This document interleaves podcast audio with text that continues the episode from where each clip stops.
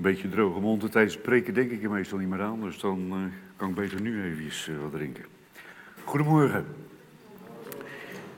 En ik hoop, uh, en dat weet ik ook, dat niet alleen ik welkom ben, maar dat met name de Heer welkom is. Want als we iemand nodig hebben, dan is Hij het wel. Toch? Wie van jullie heeft wel eens moeilijkheden of problemen in zijn leven? Niemand? Ben ik de enige? Andere vraag. Bij wie gaat altijd alles goed? Oh, nu zie ik het net. Eh, gelukkig. Ja, je moet altijd voorzichtig zijn, want een heleboel mensen vinden het eng om de hand op te steken. Dus je moet de goede vragen stellen. Dan, uh... Er zijn er nog meer. De Bijbel staat er vol van, van mensen die, um, die worstelen met het bestaan, worstelen met wat er gebeurt in hun leven, worstelen met omstandigheden of met andere mensen. Ik heb daar soms ook last van, laat ik daar heel eerlijk in zijn. En een psalm die me eigenlijk van kinds af aan heel dicht bij het hart ligt, dat is Psalm 27. En dat zegt heel veel over, um, over dit soort dingen. Ik ga hem eerst voorlezen uit de herziene statenvertaling en dan uh, zal ik er een aantal dingen over hopen te mogen zeggen. Van David. De Heere is mijn licht en mijn heil. Voor wie zou ik vrezen? De Heere is mijn levenskracht. Voor wie zou ik angst hebben? Toen kwaaddoeners op mij afkwamen om mijn leven te verslinden, mijn tegenstanders en mijn vijanden, struikelden zij zelf en vielen. Al belegerde mij een leger, mijn hart zou niet vrezen. Al brak er een oorlog tegen mij uit, toch vertrouw ik hierop. Eén ding heb ik van de Heere verlangd, dat zal ik zoeken. Dat ik wonen mag in het huis van de Heer al de dagen van mijn leven. Om de lieflijkheid van de Heer te aanschouwen en te onderzoeken in zijn tempel. Want hij doet mij schuilen in zijn hut in de dagen van onheil. Hij verbergt mij in het verborgene van zijn tent. Hij plaatst mij hoog op een rots. Nu heft mijn hoofd zich omhoog, boven mijn vijanden die mij omringen. Ik zal in zijn tent offers brengen onder geschal van trompetten. Ik zal zingen. Ja, ik zal psalmen zingen voor de Heer. Hoor, Heer, mijn stem als ik roep. Wees mij genadig en antwoord mij. Mijn hart zegt tegen u, Zoek mijn aangezicht. Ik zoek uw aangezicht, Heer. Verberg uw aangezicht niet voor mij. Wijs uw dienaar niet af in toorn. U bent mijn hulp geweest. Laat mij niet in de steek en verlaat mij niet. O God van mijn heil. Al hebben mijn vader en moeder mij verlaten, of anders, want mijn vader en moeder hebben mij verlaten, de Heer zal mij aannemen. Heere, leer mij uw weg. Leid mij op een geëffend pad, omwille van mijn belagers. Geef mij niet over aan de begeerten van mijn tegenstanders, want valse getuigen zijn tegen mij opgestaan en die briesen van geweld. Als ik niet had geloofd dat ik de goedheid van de Heer zou zien in het land van de levenden. Wacht op de Heer. Wees sterk en hij zal uw hart sterk maken. Ja, wacht op de Heer. Degenen die meegelezen hebben, die zullen gezien hebben dat ik hier en daar, in, in mijn uh, vertaling staat het schuin gedrukt, dat ik dat weg heb gelaten. Dat is toegevoegd. En um, dat is een interpretatie van wat daarvoor staat. Maar ik wil het liever laten bij uh, wat er echt staat. Vanmorgen begon je de zangleiding met uh, Galaten 5 vers 1. Dat we vrij zijn dat Jezus Christus ons vrijgemaakt heeft. En dat trof me. Want deze psalm begint er eigenlijk ook mee. De Heer is mijn licht en mijn heil. En heil, het woord wat er staat, is eigenlijk bevrijding, verlossing, maar ook vrijheid. Bevrijding, verlossing, redding, veiligheid. En toen dacht ik, wat is dat mooi. Dat is bijna een soort thema van de preek. Een heleboel dingen die in de zangdienst voorbij zijn gekomen. Ook het, het wonen bij, in Gods huis. Dat is voorbij gekomen. Dat vind ik altijd heel bijzonder. Dat er op die manier, kennelijk door de Heilige Geest, een eenheid gecreëerd wordt. De Heer is mijn licht. Een licht op mijn pad, een lamp voor mijn voet. De Heer is mijn heil, Hij is mijn redding. Maar waarom dan? En het bijzondere van deze psalm is, het lijkt alsof er een soort tweedeling in zit. In eerste instantie juichen van, is er een leger om me heen? Ik, waarom zou ik bang zijn? Zijn er mensen die me belagen? Ik heb geen angst. Zijn er omstandigheden die moeilijk zijn, die ik niet in de hand heb? De Heer is bij me. En dan halverwege de psalm komt ineens iets van, Hoor, Heer, mijn stem als ik roep. En ik heb lang zitten nadenken over van hoe komt het nou dat, dat die tweedeling er is? In eerste instantie bijna, bijna pocherig, bijna snoeverig van, ha, wat kan me gebeuren? En in de tweede plaats ineens dat bijna angstige, hoor Heer als ik roep. U hoort mijn stem toch wel? U verstoot me toch niet? En er zijn uitleggers die zeggen, ja, in eerste instantie gaat het om het gevaar. En dan is iemand in de tempel en die legt daar alle nood nog eens een keer bij God neer. Maar het is juist in de, in de Hebreeuwse cultuur normaal dat het vertrouwen en, en het uitgeven van de angst, van de nood aan God hand in hand gaat met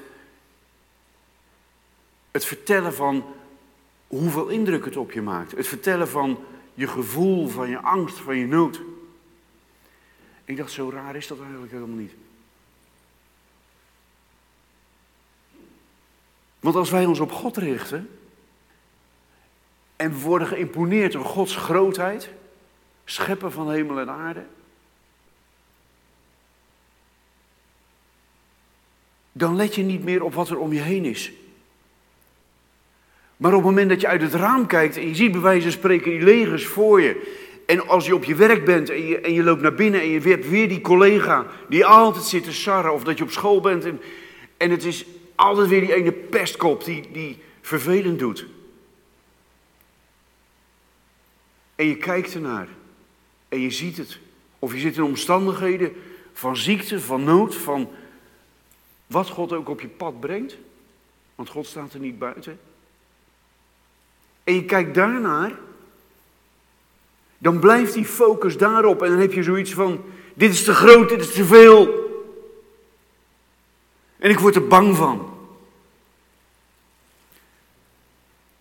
Het meest bijzondere voorbeeld, als ik dan denk aan Jezus Christus, dat hij in de hof van Gethsemane op zijn knieën gaat en bang is gewoon mens op zijn knieën gaat en het uitroept in zijn angst. Vader, als deze beker voorbij mag gaan, laat hem voorbij gaan. Want het wordt gruwelijk en het wordt pijnlijk. Mag het alsjeblieft weg? En Jezus kijkt naar het pad wat voor hem ligt. En hij weet hoe vreselijk dat is. En het is alsof de focus weer verlegd wordt naar, maar vader, niet mijn wil, maar uw wil geschieden. En ik vertrouw op u. Ik wil niet kijken naar die pijn. Ik wil dat me niet laten verslinden, dat me niet laten opeten. Ik wil me richten op u. En ik vertrouw op u. En ik zal die weg gaan. En Jezus Christus heeft deze psalm ook gezongen. Weet ik hoe vaak. En weet je wat het meest trof van de week? Of eigenlijk vorige week al. Dat is het slot. Ik wilde graag een antwoord van God. Een antwoord van, Heer, hoe moet ik hiermee omgaan? Wat moet ik hiermee? En ik las deze psalm. En dan staat er, Wacht op de Heer. Wees sterk. En hij zal uw hart sterk maken. Ja, wacht op de Heer. En weet je waarom dat me, zo trof? Kennelijk, als je op de Heer wacht, maakt dat je hart sterk. Dat is raar, hè? Wij zouden eerder denken van, je moet een soort olifantshuid hebben. Je moet, je moet je niet zo laten raken door wat er gebeurt. En je moet, je moet je emoties uitsluiten. Dat maakt je sterk. Kom op. Dat is menselijke wijsheid. En het kan goed zijn om te leren niet, laat ik maar zeggen, te verzuipen in je emoties. Maar dat doet de psalmist niet. De psalmist legt juist zijn nood bij God neer en die zegt: Heer, u hoort toch wel als ik roep? U gaat me toch niet verstoten? U doet toch wat u zegt? En dat mag. Dat mag. Je mag bij God, bij wijze van spreken, op de knieën gaan of op zijn schoot kruipen, hoe je het ook wilt. En als kind op zijn borsten rammen. U doet toch wel wat u zegt?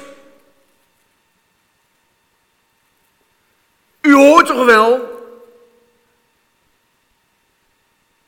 En God is God. En die kan niet anders dan helpen. En die kan niet anders dan verder gaan. En daarom zegt de psalmist aan het eind, en Jezus Christus ook, ik wacht op u. Niet mijn wil, maar uw wil geschieden. En dat zal me sterk maken. Want als je wacht op God, als je hoop hebt op God, dan word je sterk. Want als God nabij is, en God is nabij, dan ben je al sterk. Het is precies hetzelfde wat Paulus zegt. Laat mij maar zwakker worden. Laat mij maar minder worden. Laat God maar sterker worden. Door mij heen.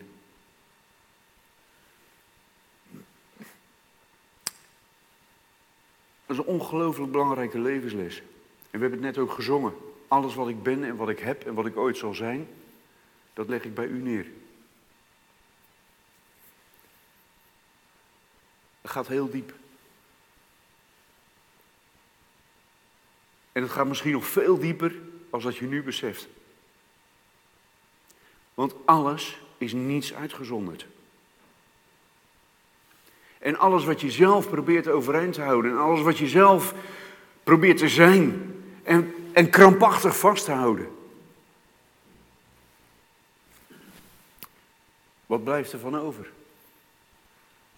Alle trots, alle hoogmoed, al het zelf op de troon willen zitten. Het zelf in de hand houden. Angst en controle gaan heel vaak samen. Als je bang bent, ga je proberen om te controleren. Ga je proberen om vast te houden, om het zelf allemaal te doen.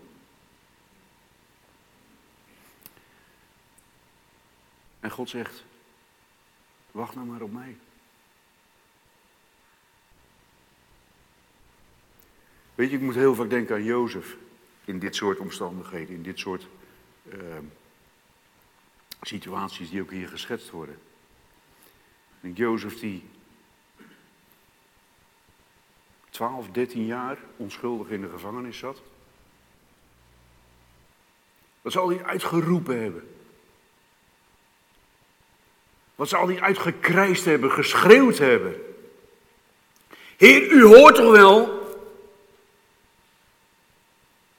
Heer, u doet toch wel wat u zegt? Ik heb die dromen gehad. En?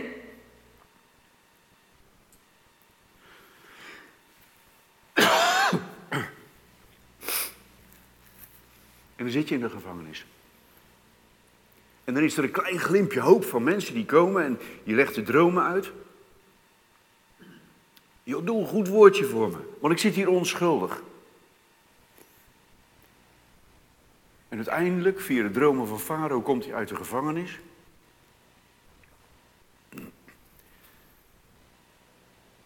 En helemaal aan het eind van zijn leven zegt hij: God heeft mij vooruitgestuurd. Als iemand heeft geleerd, dwars door de omstandigheden, te vertrouwen op God, dan is het Jozef wel geweest. Als iemand heeft geleerd om dwars door de omstandigheden te geloven en te blijven vertrouwen op God de Vader, dan is het Jezus Christus wel geweest. Dwars door lijden, dwars door dood. Kun je dat voorstellen? Dwars door de dood. De dood stopt alles. De dood stopt alle controle, alle mogelijkheden. En Jezus vertrouwde op God dat hij hem zou opwekken. Jezus vertrouwde erop dat de Vader zou doen wat hij beloofd had. Daarna zal de heerlijkheid er zijn. De belofte van de Vader om verder te gaan en die enorme prachtige heerlijkheid te maken die hij voor ogen had, die ging door het diepste dal. Weet je, dat vind ik moeilijk. Ik weet niet hoe jullie dat ervaren. Maar dat de mooiste dingen voortkomen uit de slechtste situaties in onze ogen. Dat de beste dingen voortkomen uit de moeilijkste situaties. Als je het hebt over karaktervorming. En er stond ook dat Jezus, en dat staat volgens mij in de Hebreeënbrief, Jezus heeft liefde geleerd door gehoorzaam te zijn. Alle goede karaktereigenschappen. Hoe kun je geduld leren? Door te wachten. Door te moeten wachten. Toch? Het kan niet anders. Dat is een van de beste karaktertrekken. Geduldig zijn. Het dulden van moeilijke omstandigheden. En wachten op de Heer. Weet je, we hebben allemaal in ons leven omstandigheden die we niet in de hand hebben. En dan kun je gaan proberen om via hele sneaky wegen om te zorgen dat het toch nog een beetje beter uitkomt. Dat, jou, dat wat jij wilt gedaan wordt. Of mensen in je leven, en dan ga je manipuleren en dan ga je misschien proberen om via lobbywerk, roddel, te zorgen dat die ander in een kwaad daglicht komt te staan, zodat jij er weer wat beter uitkomt. Maar dat is niet wat God wil. En de psalmist die doet dat ook niet. De psalmist die zie je niet gaan vechten. Er is een leger om hem heen. En hij zegt, ik zal ze eens eventjes. Hij zegt alleen, ik ben niet bang. En al die mensen om me heen die, die, die me op willen vreten. Heer, u weet er wel raad mee. Het zegt niet dat je nooit iets mag doen, hè? Er zijn ook omstandigheden waarin je in actie moet komen. Het psalm is van David, groot generaal.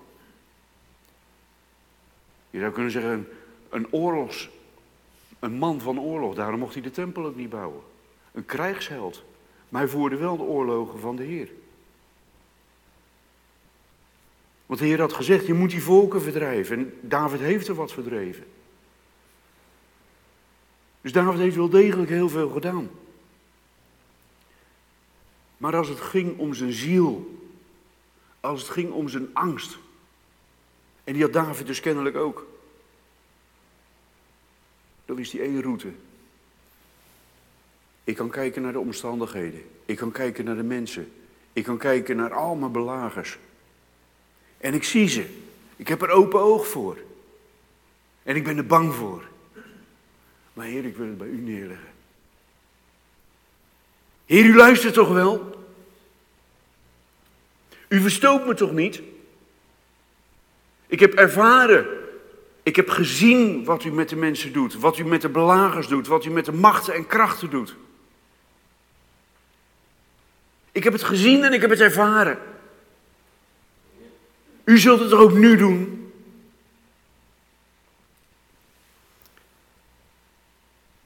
Christus die de weg ging. En door de diepste duisternis, het dodenrijk, is gegaan.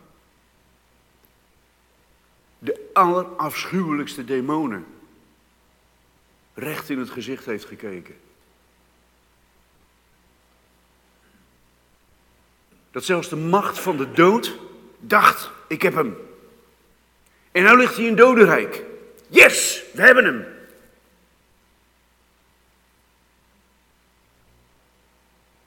Maar God de Vader liet hem opstaan door de Heilige Geest.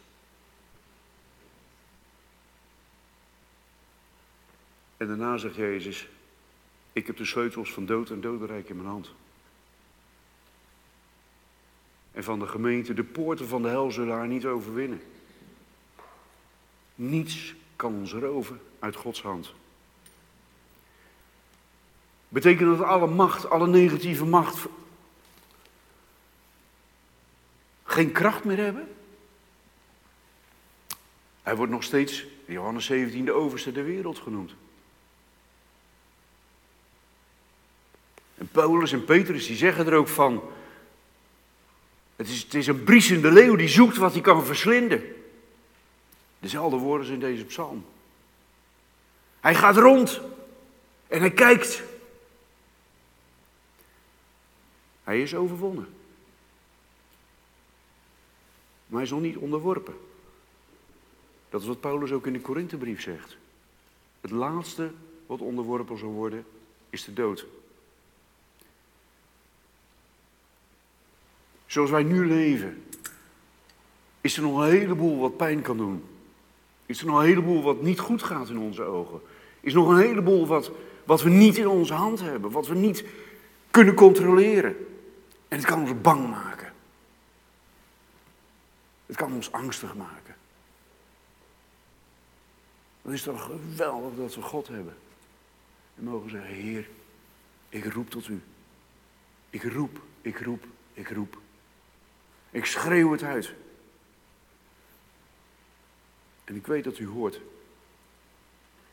En ik weet dat u er bent. En ik weet dat u Jezus Christus overwonnen heeft. En ik weet dat ik uw lieflijkheid mag aanschouwen. Weet je, dat is ook zoiets bijzonders in de psalm. In de eerste plaats wordt gezegd, ik mag de lieflijkheid van de Heer aanschouwen. Het prachtige, liefdevolle gezicht van de Heer. En vervolgens zegt u, u verstoot mij toch niet? U gaat me toch niet overdekken met uw toorn? Dat is vertrouwen van een kind. Papa kan boos zijn op wat je doet. Maar hij verwerp je niet. Want je blijft zijn kind. En die toorn die kan misschien heel even zijn om om wat je doet. Maar je blijft zijn kind. Dat is zo geweldig bij God, dat beeld. Die liefelijkheid, die zal altijd overwinnen. En die toorn die duurt maar kort, staat ook in de, in de profeten. Als Israël gestraft wordt. Ik ben maar even boos geweest. Maar ik zal mijn volk opnieuw aannemen. Zal het voor de gemeente anders zijn? De bruid, de vrouw van Christus. Zou die ons echt in de penarie laten liggen? Of gebruikt hij alles mee ten goede? Alles doet God meewerken ten goede. En juist de moeilijkste omstandigheden.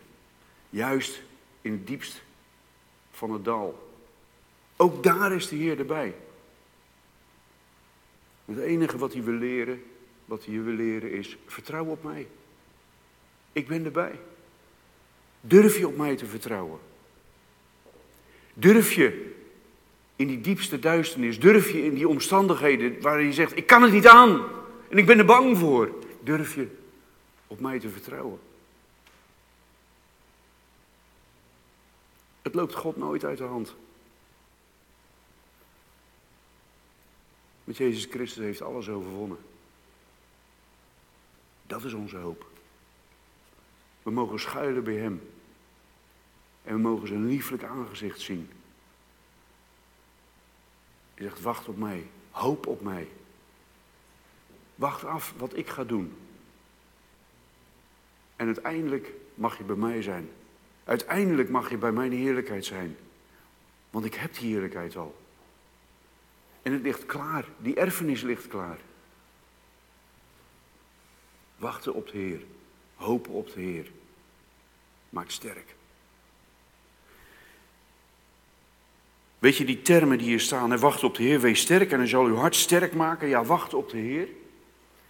Dat sterk maken, dat is dezelfde term als die in Jozua staat. En jullie kennen hem allemaal. Wees sterk en moedig. Toch? Jozua staat aan het begin, is net bij de Jordaan. En dan zegt hij, wees sterk en moedig. En verover het land. En de eerste stad die ze moesten overwinnen, heeft Israël eigenlijk niets gedaan. Ze zijn een aantal keren om Jericho gegaan. Maar wie deed het werk? God. Wacht op de Heer.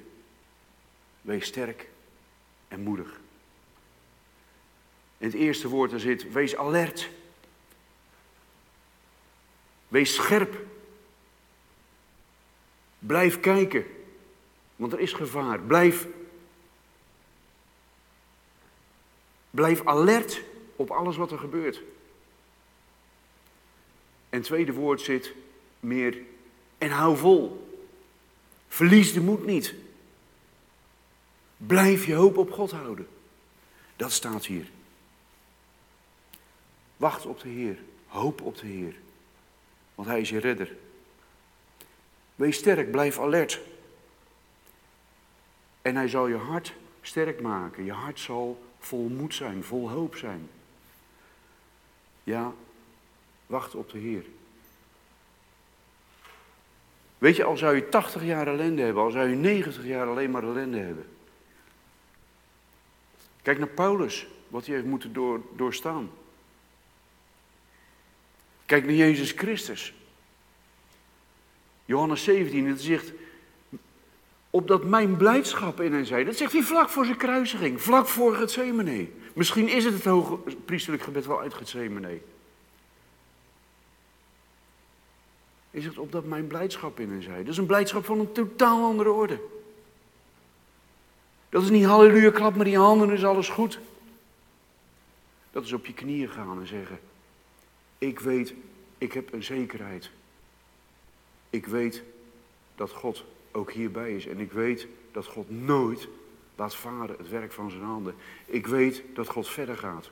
Ik weet dat God trouw is aan zijn belofte. Dat is mijn hoop. Daar wacht ik op.